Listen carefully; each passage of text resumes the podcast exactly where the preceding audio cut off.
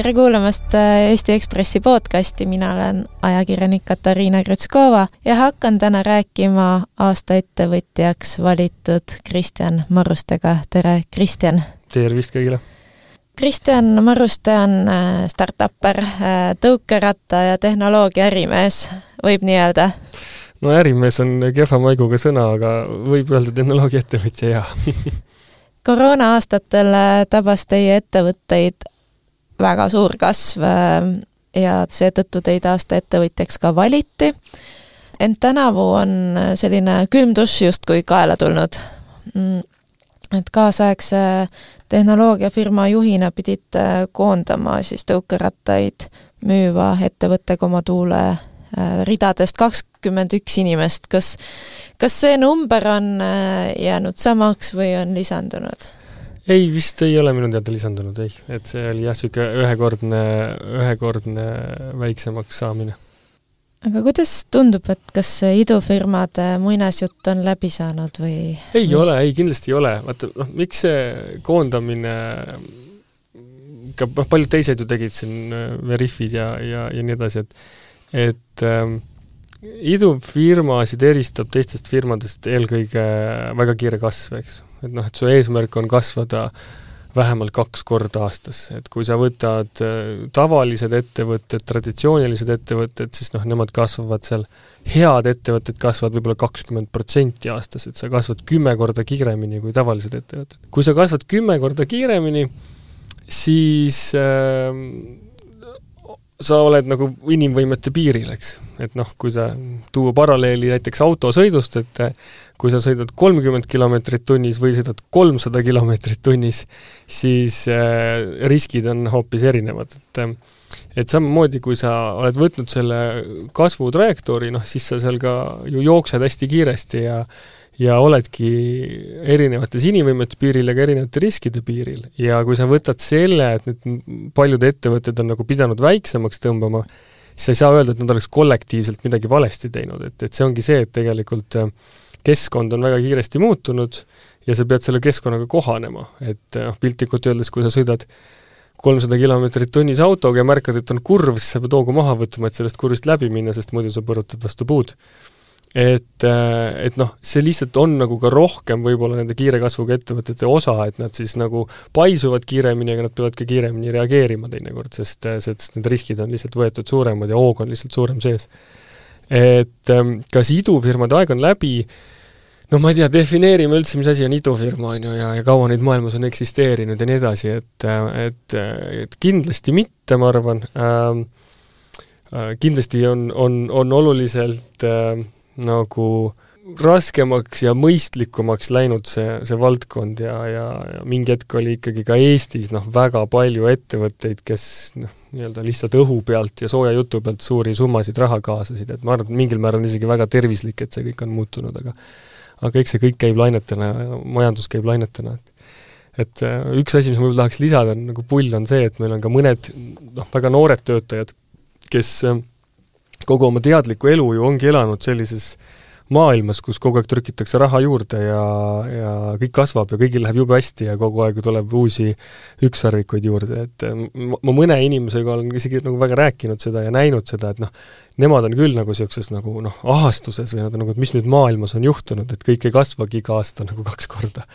et noh, ma arvan, et see on tegelikult ju täiesti normaalne aga teate te ka, kuhu need inimesed edasi läksid, kelle te ära koondasite, on nad leidnud töö sarnastes ettevõtetes või kuidas? ma detailselt nüüd igat ühte ei tea, aga päris paljusid tean, et äh, ma tean, ma tean kahte inimest, kes said kõrgema palga ja võib-olla isegi ägedama töö, et et ühel mehel läks väga hästi, ta on väga õnnelik, et äh, kunagi äh, kui me päris alustasime, siis ma sain ühe mõttetera kuskilt, ma vist Saksamaalt ühest programmist, et et tihti omistatakse ettevõtjatele seda hirmu või, või pinget, et, et noh, et sa annad ju tööd nii paljudele inimestele, et mis siis juhtub, kui noh, sa pead nad koondama või nad jäävad nagu tööst ilma, et kas sa ei tunne tohutut suurt vastutust. ja siis see mõttetera, mis sellega kaasa tuli, oli see, et aga, aga sa peaksid palkama nii häid inimesi, et äh, kahe nädalaga leiavad kõik uue töö. Ehk et sa peaksid palkama nii häid inimesi, kus teised värbajad kogu aeg tahavad neid tööle võtta. et sa tegelikult nagu võitled kogu aeg nende väliste värbajatega, et nad ikka sul edasi töötaksid. ja see on hästi lahe mõttetera, et see ongi see, et palka nii häid inimesi, et sa suudad ise aidata nad kahe nädalaga kõik kuhugi mujale tööle, sest tegelikult kõik tahaksid neid endale saada. no see on tore mõte, kuid siiski neid otsuseid tehes, see ei ole ju väga meeldiv minna ütlema mitte. inimestele, et ei, ei ole tööd enam. ei, absoluutselt mitte, see on, ma arvan, kõige raskem asi, mida nagu juhina teha, et, et ja noh, see on ja see on ja see on kindlasti hästi raske, kui sa oled ikka nagu noor juht või sa oled nagu vähem sellega tegelenud, et, et, et ka meie ettevõtte sees on nagu noh, võib-olla kogemust äh, vähem kui mõnes vanemas ettevõttes, et ei, see kindlasti on väga raske, väga raske, mul üks, üks hästi lahe noh, muidugi lahe on vale sõna, aga väga südamlik oli, kus siis meil ühest inseneeriameeskonnast äh, koondasime ühe kuti ja siis äh, tema otsene juht ja tema pidasid siis vestlust ja, ja siis oli lõppenud sellega, et kaks meest mõlemad nutsid, on ju. ja, ja, ja noh, ei olnud ei olnud vihaemotsiooni, oli lihtsalt kurbus, eks.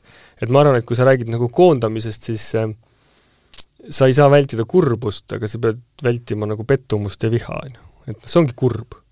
aga, aga, aga kurbus no, ei ole nagu halb emotsioon kuidas vältida kurbust või? ei, kuidas vältida seda, et äh, vihaseks saadakse teie peale, et äh, ma kui tööandja peale? sa pead lihtsalt aus olema, et, et, et sa pead olema aus, ma arvan, nagu kogu protsessi jooksul, on ju, et sa nagu äh, noh, hästi, hästi halb on see, kui kõik on jube, jube hästi ja siis järsku tuleb välja, et tegelikult peab koondama, on ju. et selles mõttes tuleb oma inimestega nagu päris pilti ka jagada, et nad nagu saaksid aru mm,, ja teine pool on, et sa pead ikkagi nagu selgelt ära põhjendama, et noh, et milles see asi on, et vaata, see küsimus tekib seal see kindlasti, et noh, et miks siis mina, on ju, et miks ei ütle keegi teine, aga, aga noh, põhiline, mis noh, sellega, sellega on natuke raskem võib-olla, aga aga põhiline, mis sa pead ikkagi ära selgitama, on lihtsalt see, et noh, et, et lihtsalt ei ole võimalik, et noh, ettevõte ongi väiksem, et aga noh, meil ei olnud see tegelikult väga raske, nagu sellepärast, et et siis Go-modul, mis müüb tehnoloogiat teistele jalgrattatootjatele ja tõukerattatootjatele, ehk on niisugune nagu teistele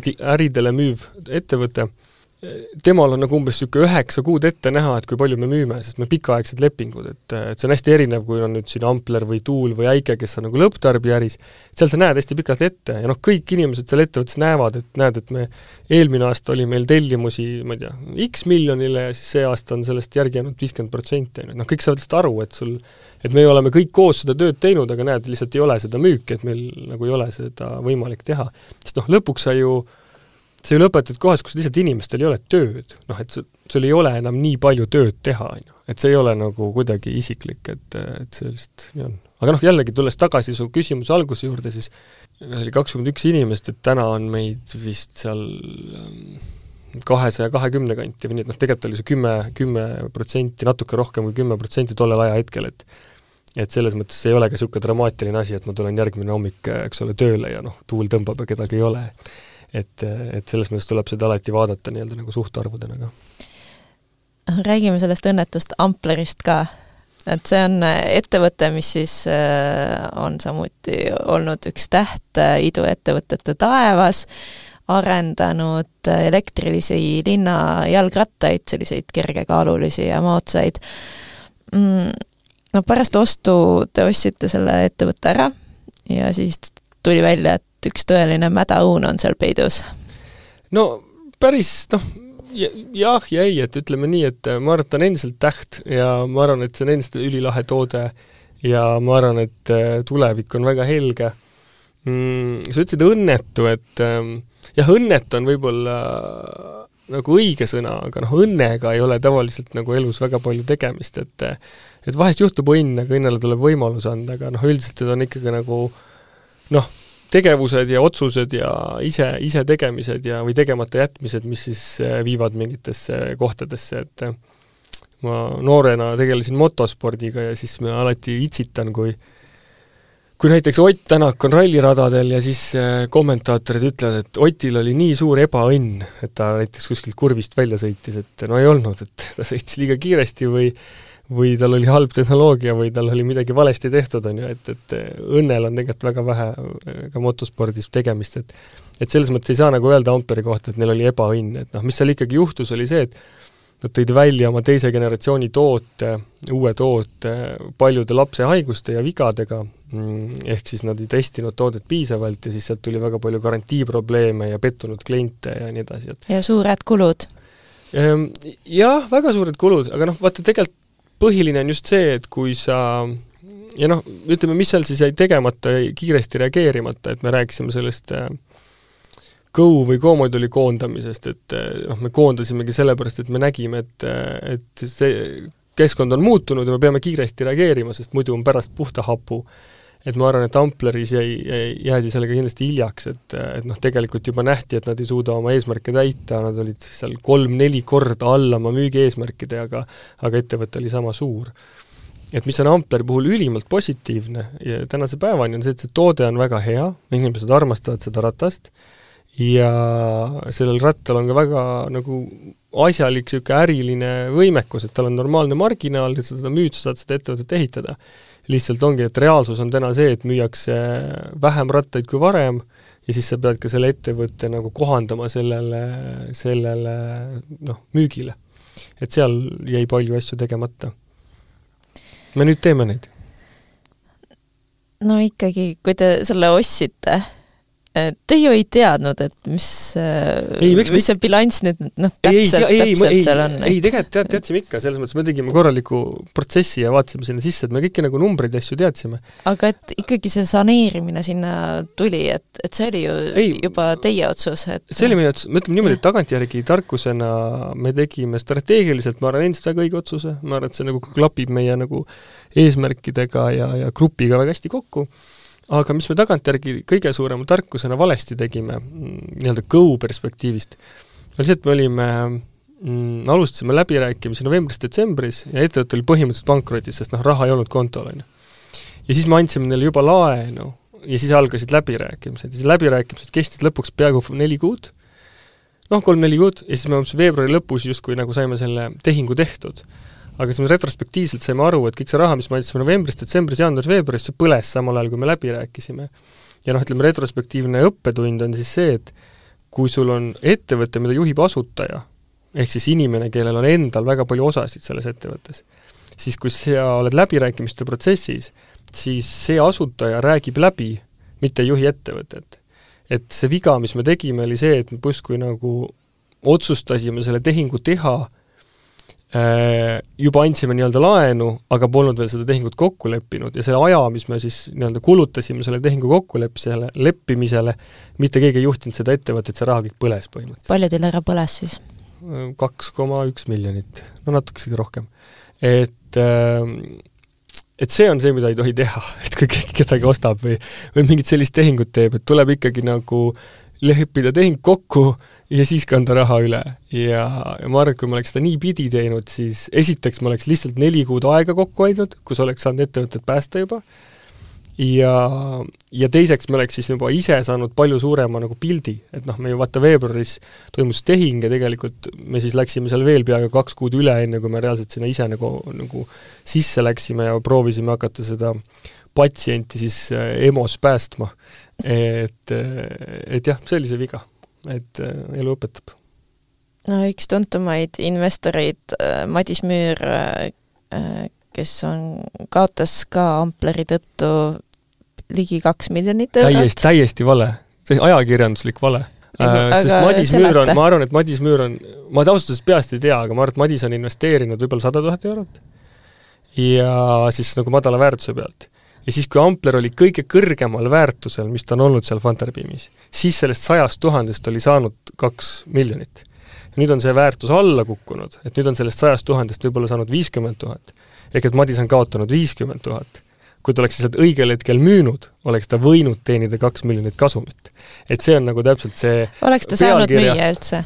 Selle het-, sellel hetkel? mina ei tea, ma ei jälginud nii täpselt, et see Funderbeami likviidsus on nagu omaette küsimus, on ju. aga noh, see on, see on nagu hästi valesti seadistatud pealkiri, et et, et ta kindlasti ei kaotanud raha, ta lihtsalt ei müünud ise sellel tipphetkel maha, aga noh, see ongi kogu investeeringu kunst, on ju. no see ongi selles mõttes ikkagi nagu virtuaalne raha jaa, aga see on olnud no,, aga, aga noh, teisalt ikka see ju teeb meele mõrudeks, et ei, no, oleks ta... ju võinud ikkagi realiseerida selle no, ära õigel hetkel. ja no teil täi... täpselt samamoodi, et te olete ka kaks miljonit kaotanud, et et kuidas te lohutate ennast või, või kuidas te vaat-, räägite endaga, mis see sisekõne on, et ei no mina isiklikult ei ole midagi kaotanud, mina saan ainult palka, ma pole isegi ühtegi osa kunagi maha müünud, et mina olen nagu selles mõttes, varalises mõttes ei ole ei ole, ei ole nagu kuidagi seda vara realiseerinud, et äh, aga noh, Madis saab ainult iseenda peale pahur olla, ega tegelikult teise peale ei saa pahur olla, on ju. et äh, kui, et, et ta lihtsalt sellel nii-öelda õigel tipuhetkel neid osasid maha ei müünud, et no, kindlasti on krõbe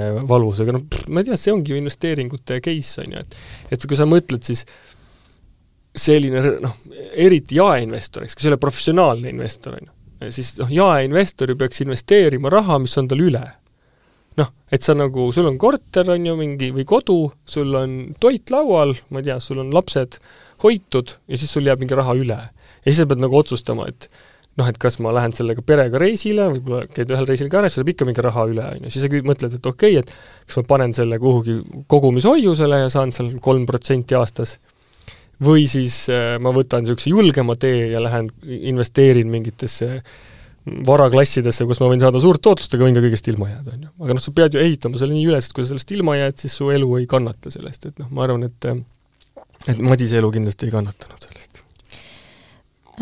kui me alustasime intervjuud, siis te ütlesite seda, et see startup induses olemine ongi selline kiire, kiire sõit ja, ja mitu korda kiirem kui tavalistes ettevõtetes.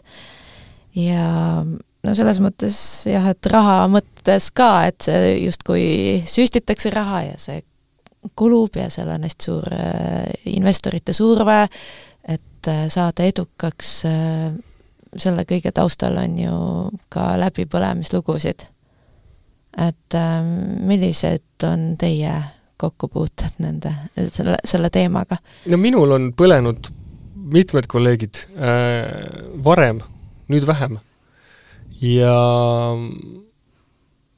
selle läbipõlemise kõige keerulisem asi on see, et need läbipõlem-, minu arvates läbipõlemise nagu see number üks äh, keerukus on selles, et need inimesed ise ei saa aru, et nad on läbi põlenud. ja, ja kui teised ümberringi märkavad, et nad on läbi põlenud, siis nad ise ikka veel ei saa aru, et nad on läbi põlenud. ja see on see kõige raskem asi, et sa põhimõtteliselt pead siis nagu noh, juhi või kolleegina jõuga sekkuma ja selle inimese piltlikult öeldes ära saatma, on ju et nad ei saa ise aru sellest, et see on minu meelest see kõige raskem asi, inimesed, kes võib-olla korra on seal juba ära käinud, hakkavad sellest paremini aru saama, et see kindlasti tuleb nagu elukogemusega ja, ja noh, asi, mida kindlasti nagu soovitakse inimestel äh, noh, nii-öelda arendada iseennast, ongi see, et nagu ennast rohkem kuulata ja saada aru, et okei okay,, et noh, et ma tegelikult ei ole efektiivne, et äh, noh, läbipõlemise noh, number üks sümptom ongi nagu töövõimetus, on ju, et sa, sa teed võib-olla kaksteist tundi päevas tööd ja siis sa päeva lõpus mõtled, et nagu mitte midagi ei saanud tehtud et me oleme seda näinud, me, me väga teadlikult proovime seda vältida, selle vastu võidelda, nüüd meil on juba isegi nagu personaliosakonnas mingid protsessid ja noh, niisugused äh, õpetused ja, ja mingid juhised ja sellised asjad, aga, aga noh, eks see algab ikkagi sellest nagu märkamisest ja teadvustamisest ja ja noh, näiteks kas või selleni välja, et sa surud inimesi puhkusele, et sa nagu ütled, et kõik inimesed peavad vähemalt kaks nädalat järjest aastas puhkama, meil on niisugune reegel näiteks ettejuhatus et, ähm, et seal jah, selle vastu saab võidelda. Ja aga tead, see on sellepärast ka keeruline teema, et et palju tööd ei põhjusta läbipõlemist, et äh, ikkagi selline nagu noh, edukuse või võidu puudumine põhjustab tavaliselt läbipõlemist. et, et kui sa teed hästi palju tööd, aga jube hästi läheb kogu aeg, siis tavaliselt inimesed ei põle läbi minu arvates sa saad kogu aeg tagasi, nagu sa saad kogu aeg seda positiivset tagasi. inimesed põlevad ikkagi siis läbi, kui sa teed hästi palju tööd, aga nagu on ikka raske või tulemust ei tule. ja noh, see on täpselt see tänane olukord, kus vaata, sa võid hullult õigesti kõik teha, aga kui turg kukub, kukub kokku, on ju, siis nagu lõpuks ei olegi sinu süü. ja noh, näiteks üks asi, millega, millega selle vastu võidelda, mida me just siin esmaspäeval arutasime, oli see, et kui sul ei ole võite, mida tähistada, väikseid võite, siis mida sa saad üldse tähistada?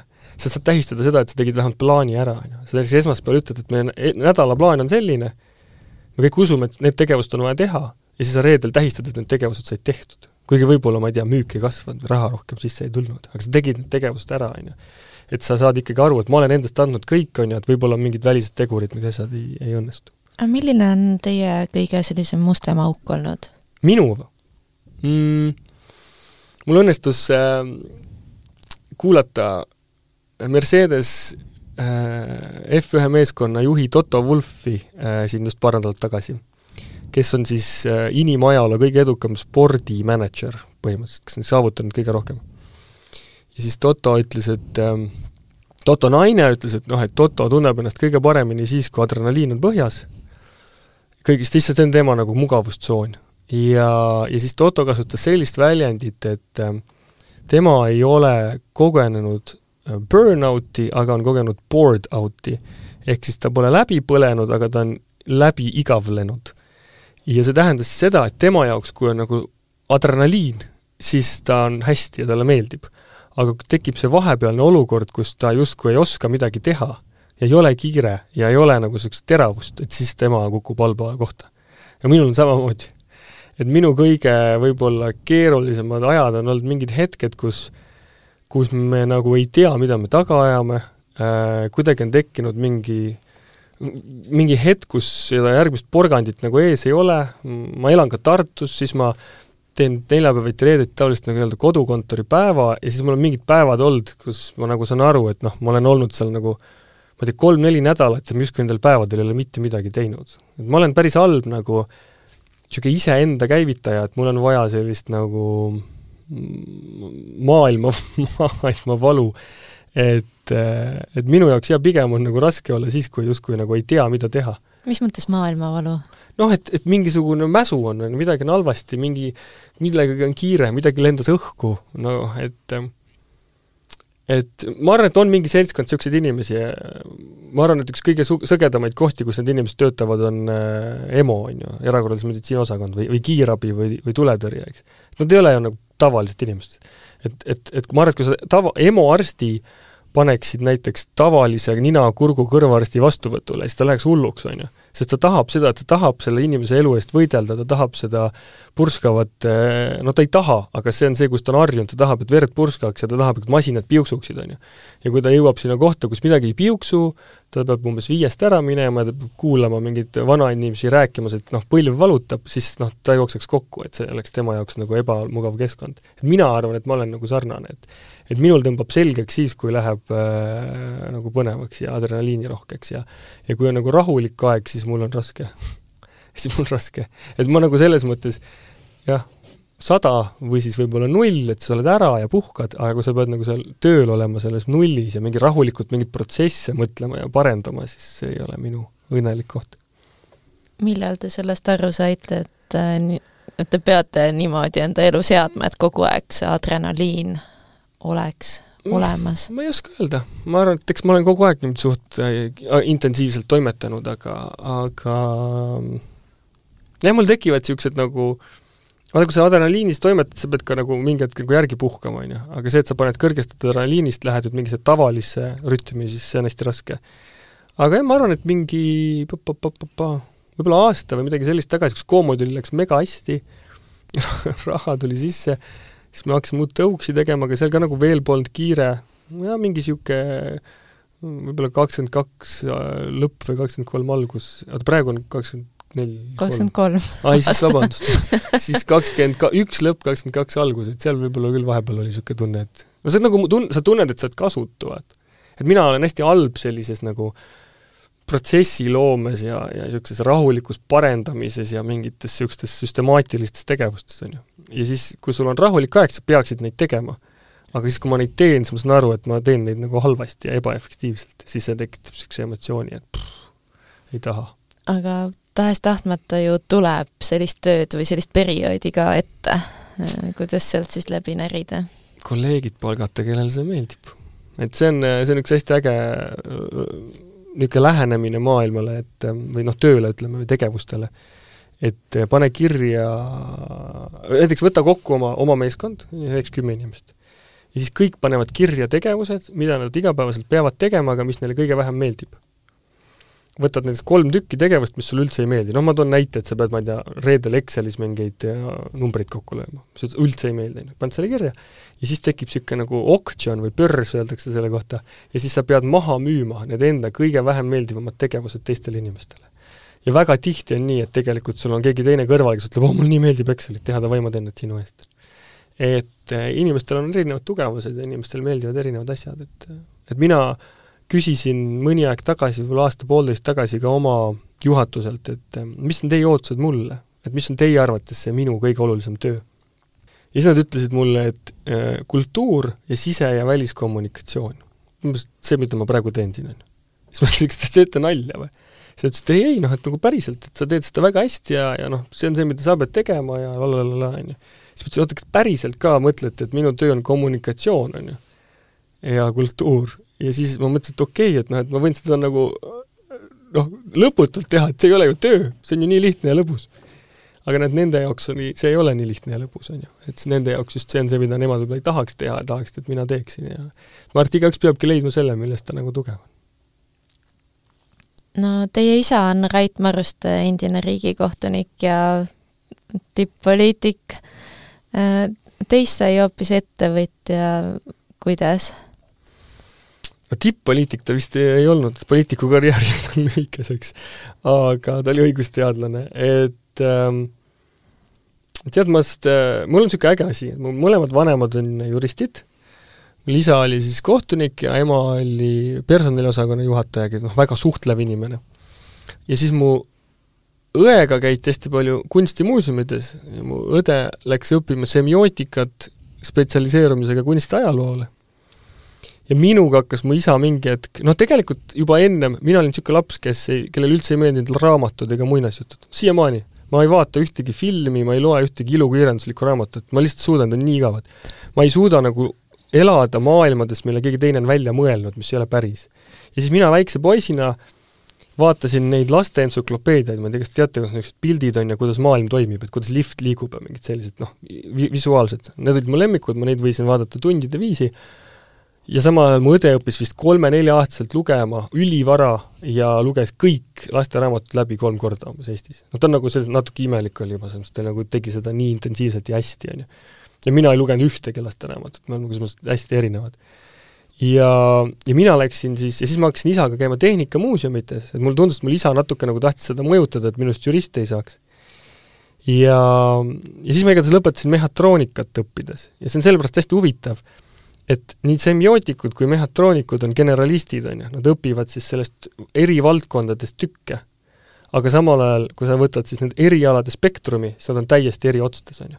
et üks on nagu nii humanitaar ja võib-olla nii, ütleme, selline kontseptuaalne kui võimalik, eks ole, väga isegi filosoofiline, ja siis teine, teises pool otsas on tegelikult nagu äärmiselt praktiline. Ja see on nagu hästi huvitav, et me oleme õega spektrumit täiesti eri otstes, aga samal ajal hästi sarnase nagu sellise generalisti vaatega et see juhtus ilmselt sellepärast, et mul lapsest peale ei meeldinud juturaamatud isa tahtis juurast eemale hoida, mis seal nii halba siis on seal juuramaailmas? ma ei tea, pead tema käest küsima, aga, aga jah. ei, ma, ma, ma, see on mul eeldus, ega ma pole talt küsinud seda, aga, aga jah, me käisime natuke Saksamaal tehnikamuuseumites ja siis sealt võib-olla tekkis see mingi säde. Mis te olete õppinud õigusest ja õiglusest enda elus? kõige olulisem asi äh, mida, mida tõesti me oleme isaga arutanud ja, ja millesse ma nagu tohutult usun, on see, et äh, mis on rohkem tegelikult sinna poliitika poole, on siis see, et äh, et õigusloome ülesanne on järgneda ühiskonnale, on ju. et sa ei saa läbi õigusloome äh, suunata või muuta ühiskonda või inimesi, et inimesed arenevad sinna, kuhu nad arenevad ja õigusloome peab neile järgi tulema. ja liberaalsed riigid tulevad kiiresti järgi ja konservatiivsed riigid tulevad aeglaselt järgi. ja noh, mina olen selles mõttes väga suur uskuja sellest, et liberaalsed riigid alati võidavad, sellepärast et nad lihtsalt loovad ühiskonda, mis tegelikult on inimestele rohkem selline, nagu inimesed ise on arenenud. hästi lihtne näide on, eks ole, äh, samasooliste abielu, aitäh, et see tehtud on, sul on ühiskonnas inimesed, kes samasooliselt elavad koos, on ju. sa ei saa seda muuta see on lihtsalt nagu bioloogiliselt nii, et mingil põhjusel osadel inimestel meeldivad samasoolised inimesed, on ju. ja, ja nüüd ongi küsimus, et kas sa nagu teed nägu, et seda ei eksisteeri, on ju, või sa lihtsalt seadustad selle ära, võtad mingi pinge maha, lähed edasi, on tegelikult muude asjadega. noh, see on minu meelest hästi hea näide sellest noh, see on nagu, sul, sa ei saa nagu õigusloomega muuta noh, ma ei tea, siis ühiskonda, inimeste olu, olustikku, on ju. et nemad on ikka sellised, nagu nad on, nad arenevad mingitest teistest asjadest sõltuvalt, nii kuidas nad arenevad ja sina pead sellega nagu hakkama saama no hästi palju on digitaliseerimisega, kõige sellega, kuidas on, mis on digitaalidentiteet, on ju. sa võid nagu öelda, et keelame ära interneti või noh, see on ju ajuvaba, eks. et siis on, edukad on need riigid, kes kiiresti saavad aru, et internet tuleb, oh, kuidas me siia nagu hakkama saame. noh, mega Eesti edulugu, eks, kogu see e-residentsus ja ja kogu see digipool. et saadke aru, et see tuleb ja kuidas me siia kiiresti adapteerime. et äh, see on, ma arvan, kõige suurem õppetund. kompromissidest, kas te olete teinud Äh, ettevõtjana mõne kompromissi? iga päev teen hea kompromiss on see, kus mõlemad pooled on pettunud. see on kõige lihtsam kompromissi seletus. kus mõlemad pooled tunduvad, et nad ei saanud head diili, siis on järelikult oli hea kompromiss. oskate mõne näite tuua nüüd lähiajast? kõik Ampleri tehingud kogu see Ampleriga läbirääkimine oli niisugune, et mõlemad pooled olid natukene nutuse näoga iga kord, kui me ka ümber rääkisime ja nii edasi, et ma arvan, et noh, selles mõttes seal sai tehtud palju kompromisse, võib-olla meie natuke liiga palju, aga aga ei, kogu aeg on kompromissid, kui sa räägid läbi mingi kliendiga mingeid tehinguid, asju, noh, see on eh, hea kompromiss on jah see, kus mõlemad on natuke pettunud, et sa saad aru, et noh, tegelikult oli nagu õiglane. aga peab kompromisse tegema? no ikka peab, jah. noh, ei, ei, ma arvan, et kui sa ei, ei pea, aga siis sa ilmselt lõpetad üksi kuskil ütis äh, väga kibestunud inimesena idufirmadest, äh, mis praegu on võib-olla uued, värsked, äh, oskate välja tuua sellised top kolm ettevõtted, mis on kindlasti tulevikus väga edukad, Eesti, Eesti jah, startup'id? tead, ma ei ole jõudnud isegi liialt palju jälgida viimasel ajal, mul on nii palju tööd olnud ähm,. Nad, ma ei tea, kui suureks nad kasvavad, aga meie valdkonna üks äh, väga kihvt ja särav staar on Svok Bikes, kes teeb neljarattalisi kargo jalgrattaid. Need on sellepärast ägedad, et nad loovad midagi, mis äh, on nagu auto ja jalgratta vahel, mis on nagu päris alternatiiv autode kasutamisele. Ja ma lihtsalt tean, et neil läheb jube hästi Inglismaal, kus on siis Londoni sisse pandud sissesõiduga maks, see maks täna, kui sa lähed bensiiniautoga sõidad sisse, see maks on suurem kui Voki nagu kuutasu et need on need kohad, kus sa näed, et okei okay,, see on product market fit ja siis plahvatab, on ju. et nemad on veel suhteliselt väiksed, neil on vist seal kolm-nelikümmend inimest, aga, aga ma arvan, et see, mis nad teevad, on, on väga-väga, väga äge, tahaks nemad välja tuua. kes veel? noh, ma arvan, et ähm, väga populaarne valik äh, ja ettevõte, mis mulle endale kultuuriliselt ja, ja eetiliselt ei meeldi aga ma arvan, et paljud eestlased ei, ei ole nagu süvenenud, siin on Bolt, miks nad mulle eetiliselt ei meeldi, on sellepärast, et kogu nende kommunikatsioon no teie konkurentfirma. no väga väikses, väga väikses mahus, et ja, aga, aga mis, mis mulle lihtsalt eetiliselt ei meeldi, et nende kogu kommunikatsioon on nagu tõukeratastest ja et linn anda inimestele tagasi, aga nende eesmärk on liigutada inimesi autodega nii odavalt ja efektiivselt ja kiiresti kui võimalik. ja nende üheksakümmend protsenti nende käibest, isegi rohkem tuleb sealt, et, et see nagu päris koht ja see, kuidas nad tahavad ennast näidata, on hästi-hästi erinevad. samas ma tean, et Markus ja Martin päriselt tahavad linnasid muuta. aga see ongi natuke nagu see, see, see, see soov ja see, see kommunikatsioon ei lähe kokku reaalsusega, et see on see, mis on minu jaoks nagu blokker, aga kui me räägime nagu ettevõttest ja, ja kasvust ja mahust ja, ja võimekusest, siis noh, ma ütlesin juba, ma arvan, viis aastat tagasi, et Boltist saab kindlasti Eesti kõige suurem ettevõte. ja mida paljud inimesed ei ole tähele pannud või, või mõelnud, on see, et Bolt on oma põhiturgudel, oma põhiäris olnud monopoolses seisundis peaaegu kaks aastat. sest kui Uberile tuli uus juht, Tara, vist mingi kolm-neli aastat tagasi, siis Tara hakkas äh, kohe kokku võtma kõiki kõrvaltegevusi ja keskenduma ainult noh, nagu core'ile, põhiärile, mis tähendas, põhimõtteliselt Uber tõmbas kogu Ida-Euroopast ennast välja. see oli juba üle kahe aasta tagasi. ja siis jäi Boltile järgi konkurent Yandex. ja siis tuli Ukraina sõda ja Yandexile pandi sanktsioonid ja, ja kujutad ette, et sul on mingi äri, millel on tegelikult väga suur maht ja kus sa kogu aeg hullult konkureerid, sest su konkurendid ka põletavad raha ja ostavad reklaami ja nii, ja siis niimoodi ühel hetkel lihtsalt sul ei ole enam konkurente, sa oled üksi sellel turul. ja tegelikult ma arvan, et oma põhiturgudel siin kogu Ida-Euroopas on Bolt olnud väga-väga hullult monopoolses või nagu väga positiivses seisus viimased, ma ei tea, kaks pluss aastat ja, ja nad on sellega endale tohutult vinge nagu baasi loonud ja nüüd läbi selle majanduslanguse kui sa võtad kas või tõukeratta jagamise, siis need kõik Thierry'd ja Void, need ülejäänud Euroopa tegijad on kõik hädas. ja Boltil on lihtsalt nii mõnus taust ja nii hea koht, et nemad kindlasti tohutult võidavad veel oma turupositsiooni läbi selle, selle majanduslanguse, et et ma arvan, et äh, kui meile tundus, et TransferWise on hästi suur, siis, siis, siis see Bolti potentsiaal on endiselt nagu hoomamatu, et, et seal on ikka mega palju, mida nad saavad veel teha. Ja noh, just kui hästi neil on läinud konkurentsis. see oli küll veits õnn, on ju. ütleme nii, et see noh, õnn on muidugi vale sõna sõja kohta, aga ütleme selles mõttes, et see, et reaalselt see Yandex ära keelati, et noh, see on täitsa sürreaalne, on ju. et kujutad ette, su parim, noh, su suurim konkurent su põhiturgudel lihtsalt päevapealt kaotatakse ära, et et, et nendel kindlasti, et sealt tuleb veel kindlasti palju, palju, palju, palju, palju, et äh, Markus kindlasti ei näita ka mingit väsimuse märki veel. Kuidas äh, või millega oleks äh, no alates tänasest tegelema hakates võimalik miljonäriks saada? ma ei tea, kas peab miljonäriks saama või mm.? noh, vaata üks hästi oluline asi äh, kui me räägime iduettevõtlusest, me räägime sellest kaks korda aastas kasvust, on ju, siis äh, see on nii raske. See on nagu kirjeldamatult raske. see on nii palju raskem, kui kõik arvavad, et see on. ja see ei tähenda, et see on negatiivne, see ei tähenda, et see on nagu vastik, aga see on raske. et noh, inimesed ronivad Mount Everesti tippu ka, on ju, ja nad naudivad seda, nad nagu tahavad seda, aga see on nagu räigelt raske, inimesed surevad seal tipus, on ju ja tegelikult selle idu asja tegemine, see on ka hullult raske.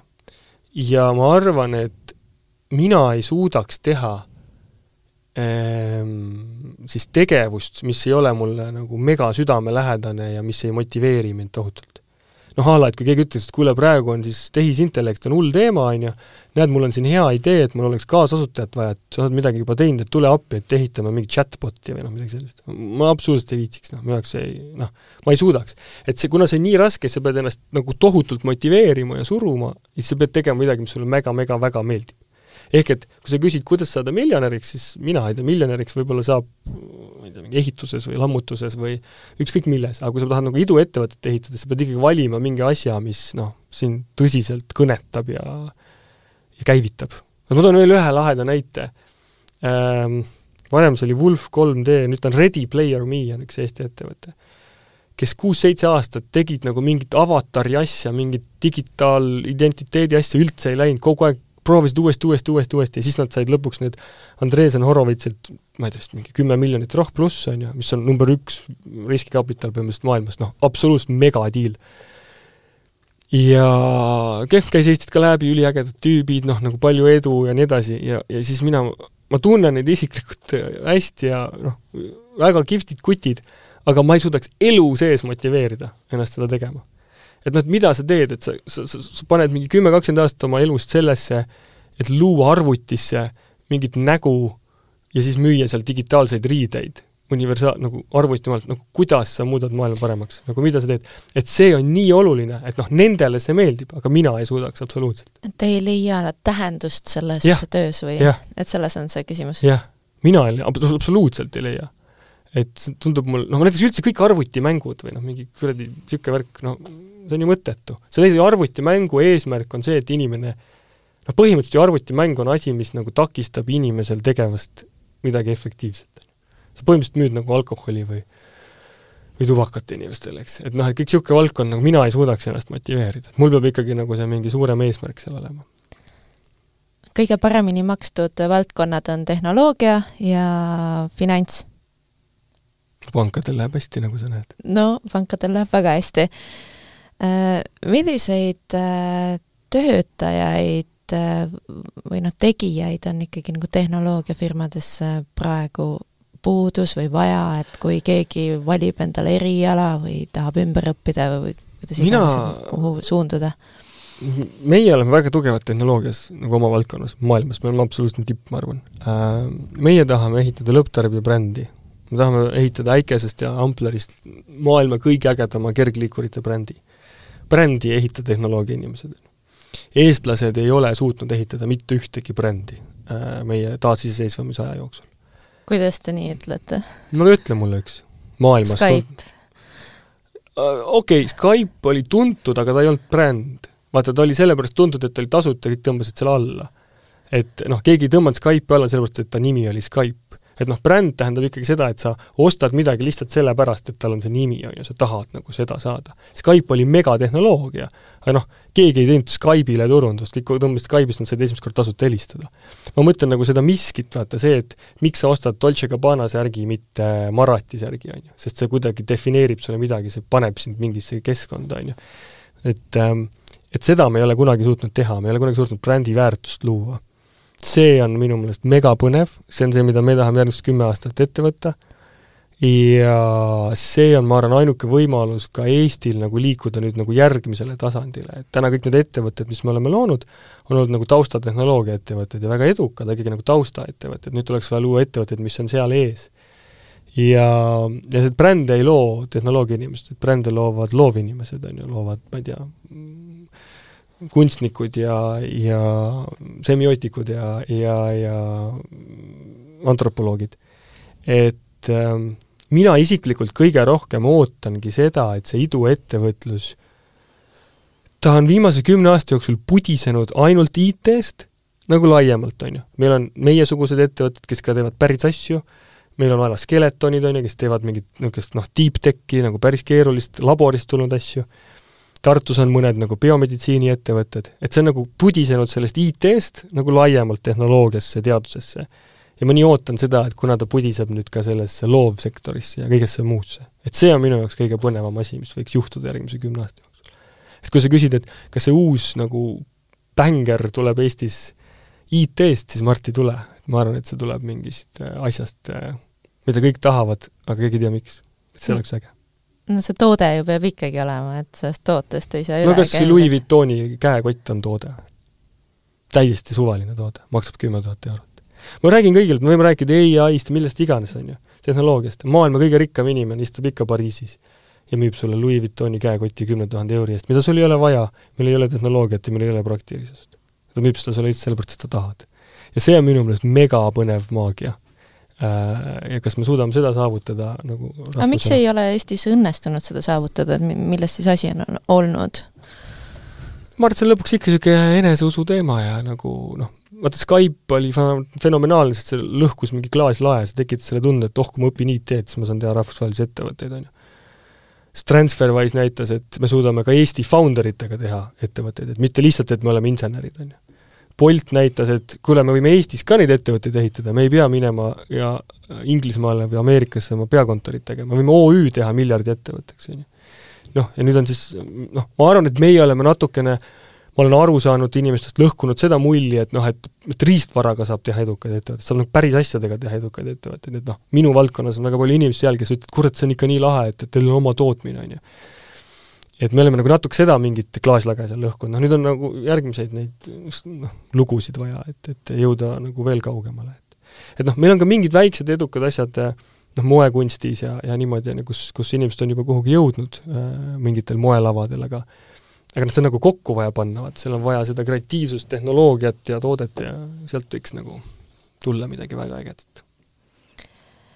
kuidas on äh, teie hinnangul valitsus hakkama saanud majanduskriisiga?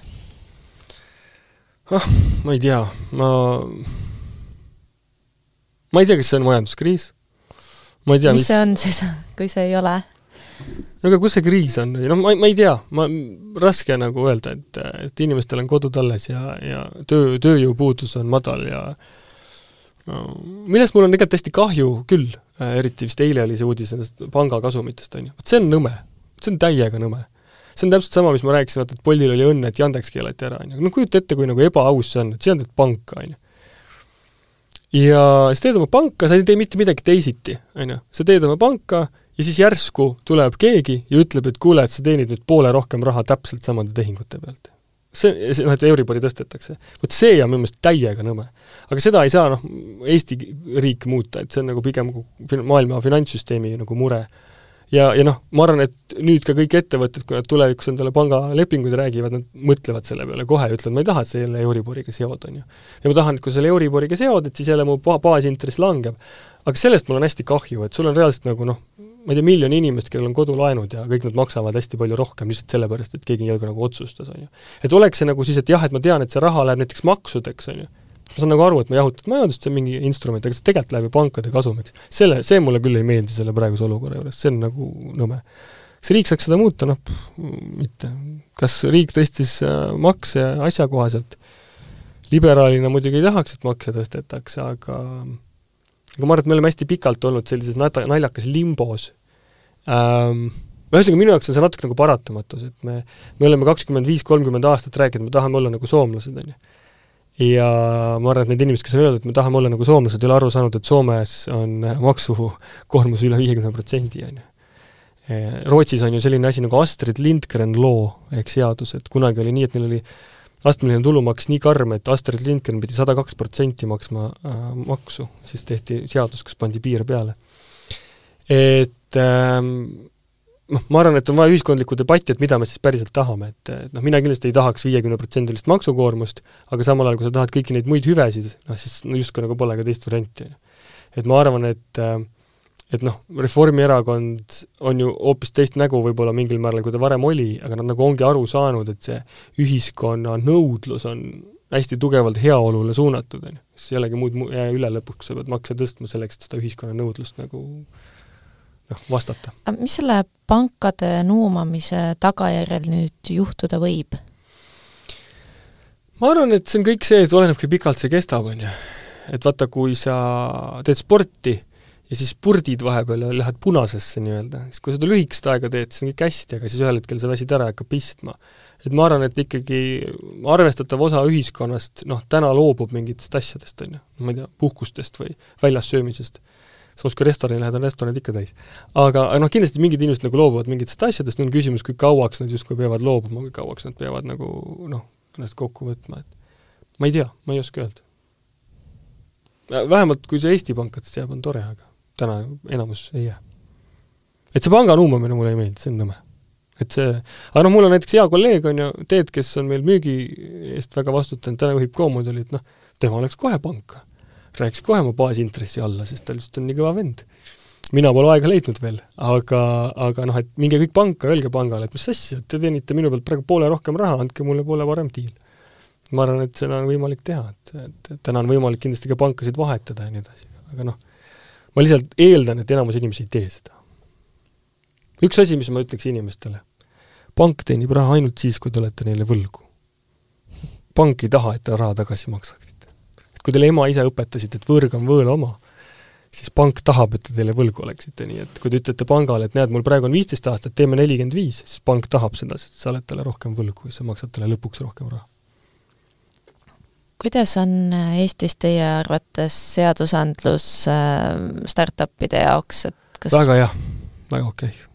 Et ei ja, ole ja see suhestu ja suhtlemine, kuulamine, arutamine on super hea. ma arvan, et Eestis, ma ük-, ük-, ausalt öeldes arvan, et väga palju paremat riiki ei saa maailmas olla. et see kõiki inimesi, vähemalt ettevõtlus, ma arvan, et kuulatakse väga hästi. ma arvan, et tegelikult kuulatakse tavalist standardsektoritest ka, et minu arust väga hästi kas te ise annaksite mõnele erakonnale raha? Äh, no ma olen olnud selles samas Whatsappi grupis, kus kogu Salga toetajad äh, on sees äh, ja, ja, ja ma olen mitu korda selle peale mõelnud. kaks põhjust, miks ma seda teinud ei ole, et üks põhjus on see, et mul ei ole raha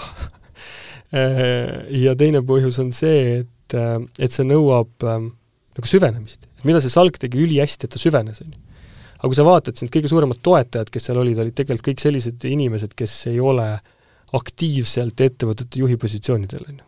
Kellel on aega, kes nagu mõtlevad need asjad läbi. et ülejäänud tegelikult ei jõua.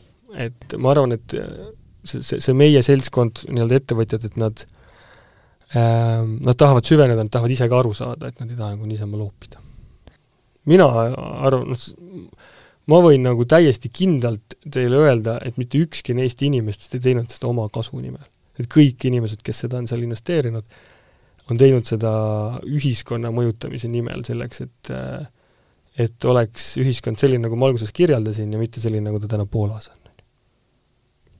no räägime natukene võrdõiguslikkusest ka, et, et ka tehnoloogiasektoris, et kui vaadata statistika ametiandmeid, on naiste palk jätkuvalt väiksem kui meeste oma, et no ometi nii-öelda uued noh, kaasaegsed ettevõtted, et miks see, miks see fenomen ikkagi säilib? mina ei oska seda kommenteerida, minu ettevõtte juhatuses on rohkem naisi kui mehi, et äh, minul nii ei ole, ma ei tea. ma ei oska, ma tõesti, ma ei oska, ma ei ole sellest kunagi aru saanud. et äh, mul on ka see trikk, et, et sa tõid küll mu isa välja, aga mu isa roll mu elu kulgemises on oluliselt väiksem kui mu ema või mu õe või, või isegi võib-olla mu vanaema. et minul on see eripära, et ähm, mind kasvatasid üles ema äh,, õde ja siis isa, ema, ehk siis vanaema, ma suviti vanaema juures, ja siis nende sõbrannad.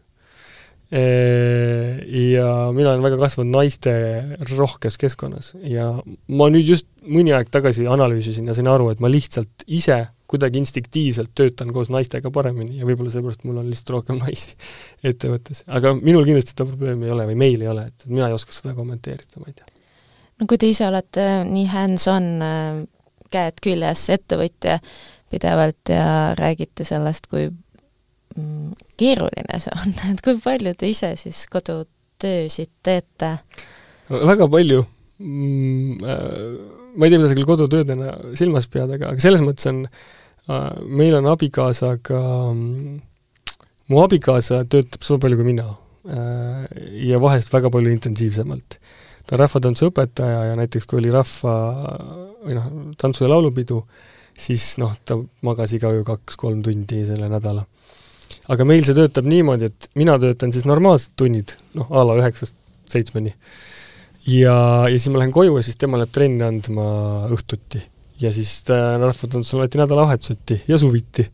nii et, et me vahest üksteist näeme väga harva, vahetame lapsi, aga tema annab ka täiega kuuma.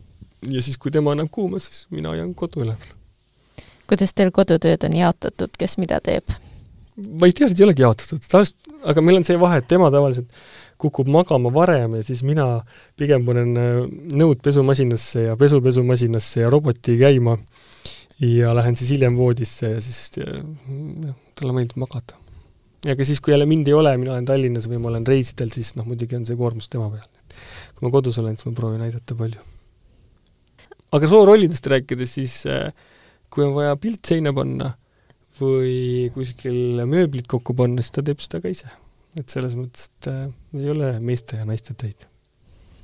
minu küsimused on otsa saanud, et kas teil on veel ise midagi, mida te soovite kindlasti jagada? no sõitke jalgratastega ja tõukeratastega kena suur tänu, äh, aasta ettevõtja Kristjan Maruste, et äh, saite stuudiosse tulla ja natukene juttu rääkida. mina olen ajakirjanik Katariina Rütskova.